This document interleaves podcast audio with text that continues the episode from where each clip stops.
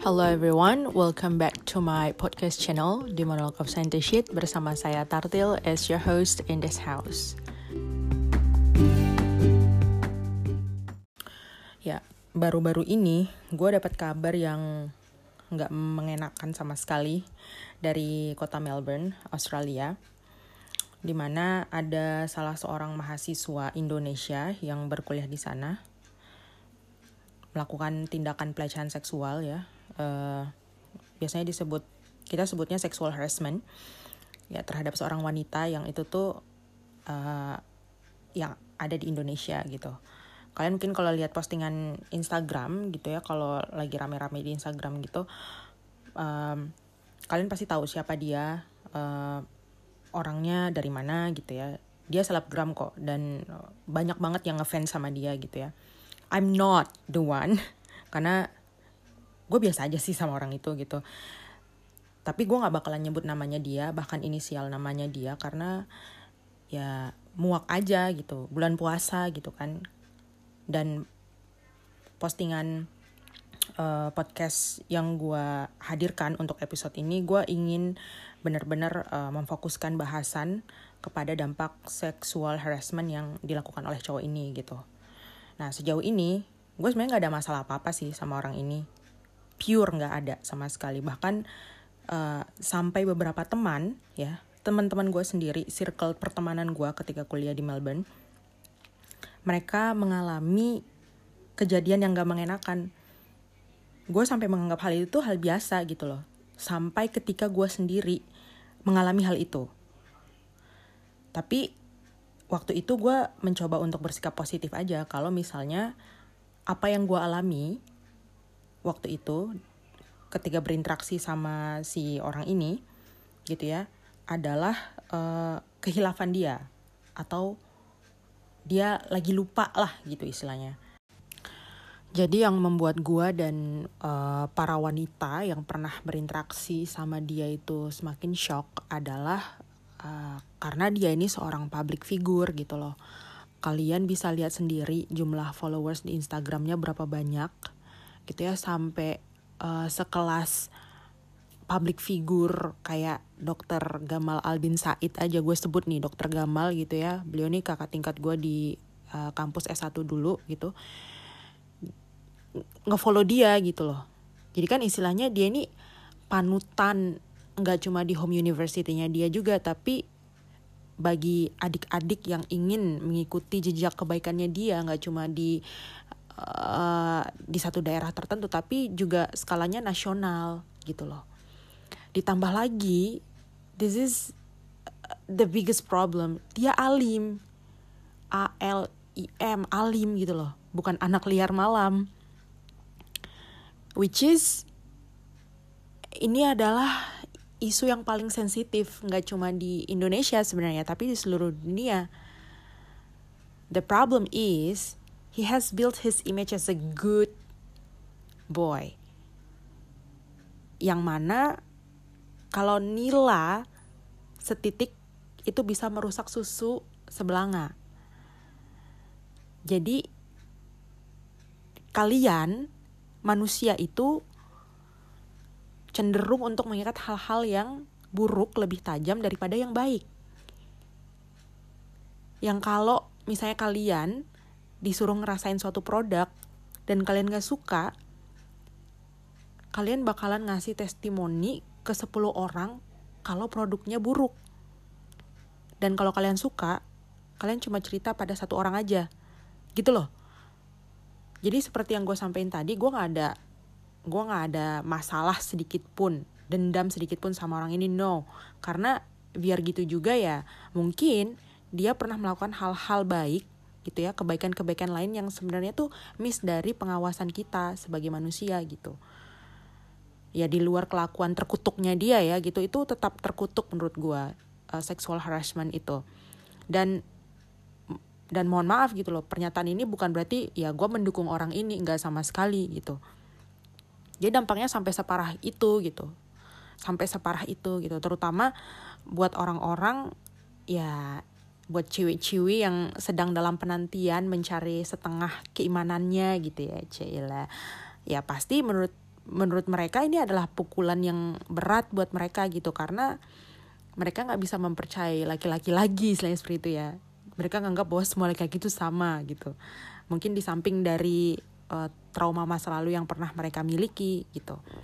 Gue sempat di DM banyak banget beberapa orang mengenai hal ini gitu. Padahal gue nggak nggak nggak berinteraksi langsung sama dia gitu loh dan juga ada beberapa teman-temannya dia yang kenal sama dia yang langsung mengurus urusan ini sampai ngelaporin ke pihak uh, yang berwajib dan lain sebagainya gitu. Nah, orang-orang ini yang nge-DM gue ini yang sebenarnya tahu dia ini dari uh, media sosial, pihak kedua, ketiga dan lain sebagainya. Ya, mereka menyampaikan uh, gimana ya, menyampaikan betapa sangat disayangkan kelakuan orang ini gitu loh. Ya menurut gue juga gitu gitu. Masalahnya ya gimana ya dia udah dia udah ngebangun image dia yang alim gitu kan dan dan eh, laki-laki uh, yang gimana sih istilahnya benar-benar diidolakan oleh para uh, cewek-cewek gitulah istilahnya ya. Dan ya itu gitu dan akhirnya Eh, orang-orang tersebut mengambil kesimpulan bahwa laki-laki itu ternyata sama aja. Dan predikat alim adalah bukan segalanya. At this point, ya, at this point, predikat alim adalah bukan segalanya ya. Gue kasih tanda kutip nih. I am down with it. Gue sepakat banget. Karena memang bukan bukan predikat alim yang menjadi salah satu standarnya gitu. Yang menurut gue uh, predikat apa pun itu alim, cerdas, baik, buruk, pencuri dan lain sebagainya yang terportrait terhadap seseorang itu adalah perspektif dari halayak banyak. Jadi kita sebagai individu, lu, gue dan yang lainnya, you have an option. You have a choice. You gonna fall for it or not. You gonna down with it or you gonna have your own perspective. Gitu loh. Tapi kita juga nggak bisa melupakan bahwa ada hak yang kita tuh nggak bisa bendung bagi kita sebagai manusia ya. Kita sebagai manusia itu that's a normal thing gitu loh. Manusia itu mau jadi lebih baik lebih pintar lebih kaya tampan cantik solih solihah. Pokoknya yang lebih lebih baiknya lebih lebih lainnya lah istilahnya setiap orang itu ada di dalam hatinya bahkan untuk orang yang kita judge gitu loh. Ya gue cuma mau nyampein sih bahwa uh, kalian boleh kecewa tapi kecewa kalian itu harus ditempatkan pada tempatnya dan tidak perlu berlebihan. Kayak gitu loh.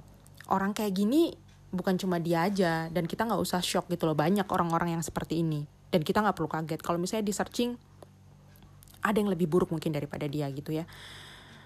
Ya kalau kalian ingin membenci seseorang ya benci orangnya gitu loh. Jangan benci instrumen yang dibawa. Menurut gue kayak gitu. Karena nggak semua orang yang membawa instrumen yang sama akan melakukan hal yang sama. Di tangan seorang pencuri gitu ya obeng itu mungkin bisa jadi alat bobol pintu gitu ya. Pisau itu bisa pakai bisa dijadikan alat untuk membunuh orang gitu. Tetapi kalau alat atau instrumen kayak pisau itu di tangan seorang koki itu bisa menjadi makanan yang enak gitu loh buat kita. Jadi ya it's just because you haven't seen the broader perspective. So think about it.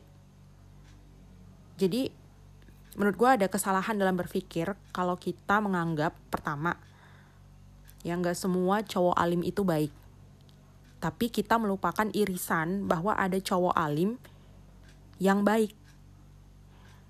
Ya gue tau lah kalian ngerti banget hal-hal seperti ini. Bahkan kalian tahu gitu loh kalau misalnya ada orang yang ngasih pernyataan tersebut, kalian tahu negasinya seperti apa. Tapi namanya otak manusia, kejadian yang gue kasih tanda kutip ya, nggak semua cowok alim itu baik akhirnya jadi marking atau tanda di otak kita bahwa it's okay to find a bad guy a bad boy tapi yang penting baik gitu. Itu itu pasti di alam bawah sadar kita tuh mikir kayak gitu gitu. Kalau kalian berpikir kayak gitu you guys you guys are not alone gitu loh. I'm a normal person dan dan I do think that. Gue pernah berpikir seperti itu.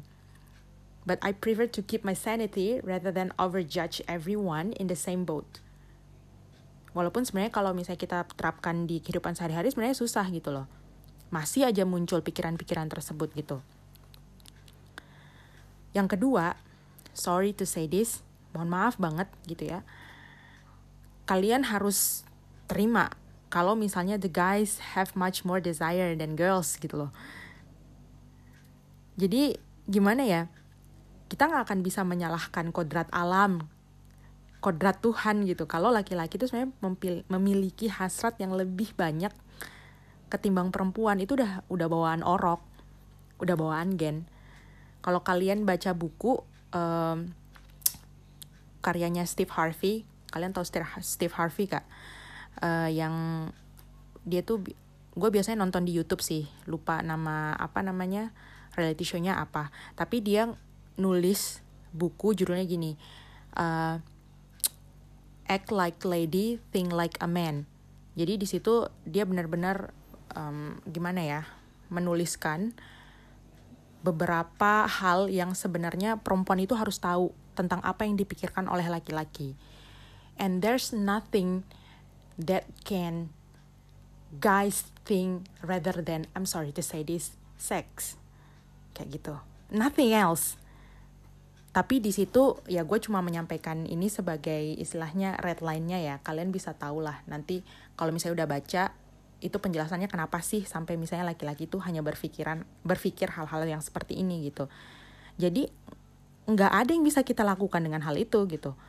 Kalaupun ada misalnya kalian kenal laki-laki yang punya hasrat yang biasa aja gitu ya. Itu mungkin cuma sebagian kecil tapi mostly ya rata-rata mereka sama aja gitu loh terus gimana? Salah gitu ya. Ya nggak juga gitu kan. Ya yang salah adalah ketika mereka tidak pandai mengelola hasrat tersebut. Nah buat sebagian orang sebagian orang ya macam-macam apa yang mereka lakukan itu untuk menghandle atau ya menghandle atau mengelola hasrat tersebut gitu. Ada yang keluar masuk tempat hiburan gitu ya. Ada yang mungkin ya melakukan hal-hal yang mereka ketahui sendiri gitu terus ya mungkin yang paling buruk adalah tindak kekerasan seksual gitu loh yang mungkin kalian tahu lah dari tindakan kekerasan seksual dari verbal atau sentuhan dan mohon maaf mungkin yang lainnya seperti paling buruk pemerkosaan gitu ya. Kalau gue sebagai muslim ya cara menekan hasrat itu adalah dengan puasa gitu. Kenapa puasa? Ya dengan berpuasa lo bisa jadi males ngapa-ngapain gitu. Dan ini lumayan efektif. Ini bukan karena ada kajian ilmiahnya gitu kajian ilmiah jelas ya kalau misalnya kalian puasa kagak makan nggak ada energi ya malas ngapa-ngapain gitu tapi ini juga dianjurkan di dalam Islam kalau misalnya kalian memang uh, punya sesuatu hasrat yang itu tuh nggak bisa dibendung ya berpuasalah gitu ya kalau yang mampu misalnya ya nikah jangan ditunda-tunda gitu loh if you have someone to marry with ya dinikahin gitu jangan di jangan di PHP-in misalnya seperti itu gitu Nah sebenarnya dari kejadian ini gue dapat banyak hikmah sih. Mungkin karena bulan Ramadan juga kali ya. Menurut gue ini adalah ujian yang berat bagi siapa pun gitu ya. Nggak cuma gue tapi siapa pun yang ingin konsisten untuk berubah jadi lebih baik gitu. Kalau istilah bekennya sekarang hijrah lah ya. Karena uh, sejatinya di kondisi seperti ini dengan kejadian yang seperti itu gitu ya uh, pasti banyak yang berpikir kalau misalnya ah udahlah gue stagnan aja gitu toh uh, yang alim juga nggak baik-baik banget gitu ya atau memilih untuk menjadi pribadi yang biasa aja gitu supaya keburukannya bisa dimaklumi oleh banyak orang. Atau mungkin paling buruk adalah mungkin downgrade expectation to the guy gitu ya. Ya nggak apa-apa sih downgrade gitu. Tapi kayak akhirnya tidak mau ngapa-ngapain dan akhirnya memilih hal-hal yang mungkin buruk seperti itu. But that's up to you. That's all your option gitu ya. Tapi gue cuma ngingetin semua manusia di dunia ini gitu ya. Mau dia ustadz mau dia preacher mau dia presiden mau dia bokap lu nyokap lu ya kita semua nggak pernah hilang yang dari namanya dosa sama aib. Cuma Tuhan mungkin saat ini lagi nunggu waktu yang tepat aja untuk membuka aib-aib dan dosa kita entah di dunia atau di akhirat kayak gitu loh. Yang kedua adalah gue mikirin perjuangan teman-teman gue yang pernah berinteraksi langsung sama orang itu untuk menjaga aib-aib dia gitu loh sampai sesakit itu gitu. Jadi di antara mereka ada yang mengalami pengalaman buruk lah istilahnya pas waktu berinteraksi dengan cowok itu gitu. Sampai saat kemarin berita itu sampai ke gua mungkin mereka masih menahan kejengkelan mereka gitu. Tapi akhirnya ya bau bangkai tercium juga gitu kan. Jadi uh, ceritanya tuh cowok ini dia pernah masuk bursa pemilihan ketua suatu komunitas Nah, dan keempat teman gue ini sebenarnya kita berlima, tapi gue seorang hanya seorang yang gak tahu kejadian ini, gitu kan? Jadi empat teman gue ini ya jelas nggak pengen lah doi jadi ketua gitu kan, walaupun karena banyak yang karena banyak yang mendukung dia gitu loh, banyak banget gitu yang mendukung dia gitu. Tapi yang tahu belangnya cuma empat orang ini gitu. Nah, saking beradabnya empat teman gue ini, saking beradabnya mereka gitu ya mereka tahu adab tahu manner itu uh, they they don't spill the tea in front of everyone gitu loh. Daripada itu mereka ya ketemu sama orang-orang yang in charge atau orang-orang yang penting di komunitas tersebut dan menceritakan secara rinci kenapa dia tidak boleh jadi ketua gitu. Dan mereka mungkin sampai waktu itu difitnah kalau mereka itu uh, terlalu lebay sampai sampai membuat apa sebuah makar seperti itu gitu ya. Tapi ya satu di antara mereka itu nganggap bahwa hal ini nggak bisa diteruskan karena ini masalah keberkahan cuy gitu loh. Ini masalahnya nanti ada tanggungannya gitu loh pas waktu uh, di akhirat kelak gitu. Dan alhamdulillah orang ini akhirnya nggak jadi ketua kayak gitu. Nah dari apa namanya perjuangan teman-teman gue ini gue jadi inget cerita salah satu cerita zamannya Rasulullah dulu dan sebenarnya gue diceritain sih. Kalau misalnya uh, sampai di titik di mana teman-teman gue ini enggak menceritakan belangnya cowok ini gitu ya itu seolah-olah mereka memberikan atau menunjukkan menunjukkan invisible trust kepada cowok ini. Kenapa gitu ya? Ya secara nggak langsung mereka berharap bahwa ada perubahan yang lebih baik dari orang ini gitu.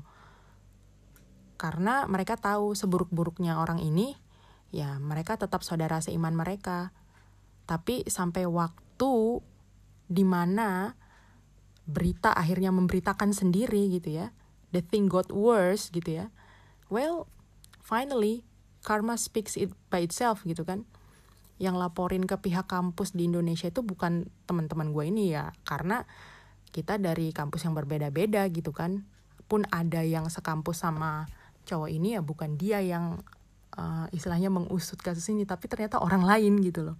Bukan mereka gitu that's how karma works maybe gitu ya yeah, lastly I wanna give an advice for the guys out there, everyone who listen this podcast, yeah, to respect the girls. Please, regardless of their appearance and their personality, that's the only thing we need and we expect from you. Treat us like you don't want a stranger to do the bad thing to your sister or mother. And please be a gentleman. Terus please be aware dengan bersentuhan tangan, pegangan pundak, or any skinship, or any skinship. Karena bukan itu bukan karena kita baper, tapi ya perempuan karena nggak nyaman aja gitu loh. Itu bukan karena kita alay, tapi kita nggak mau dikira bahwa kita adalah salah satunya orang yang mau diperlakukan seperti itu gitu.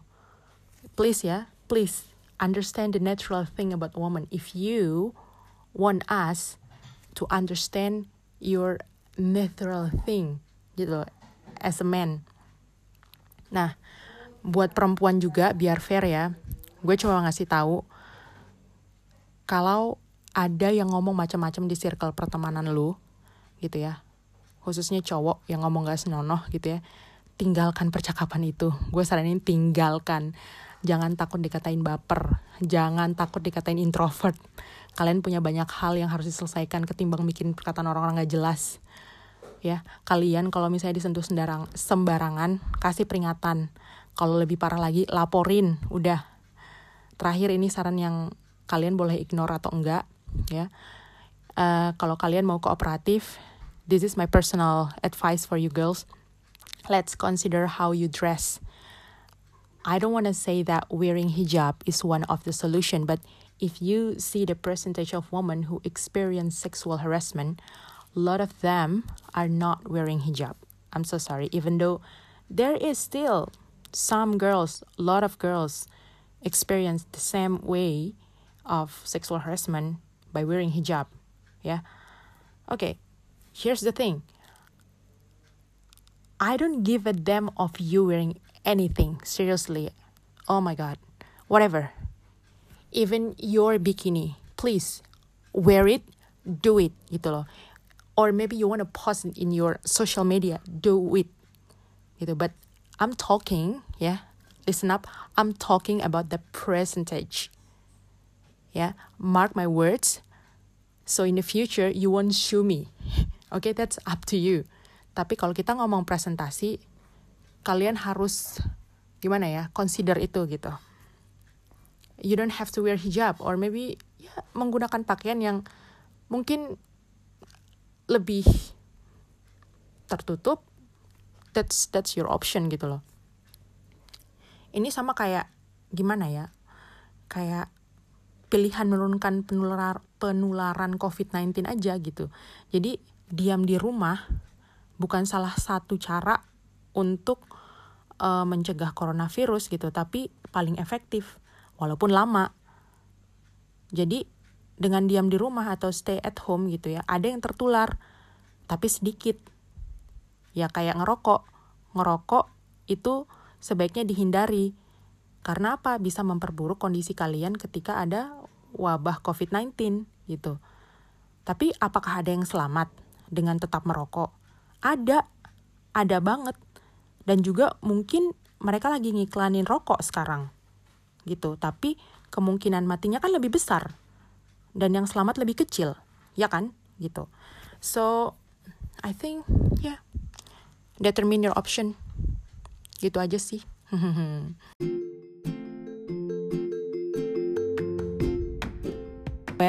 that's a wrap of my talk in this episode. Um, it's kind of immediate topic uh, because this thing burdened me a lot gitu ya. So I just wanna let you know my thoughts about this topic. Selamat menjalankan ibadah puasa hari ke-12. Semoga puasanya pada lancar.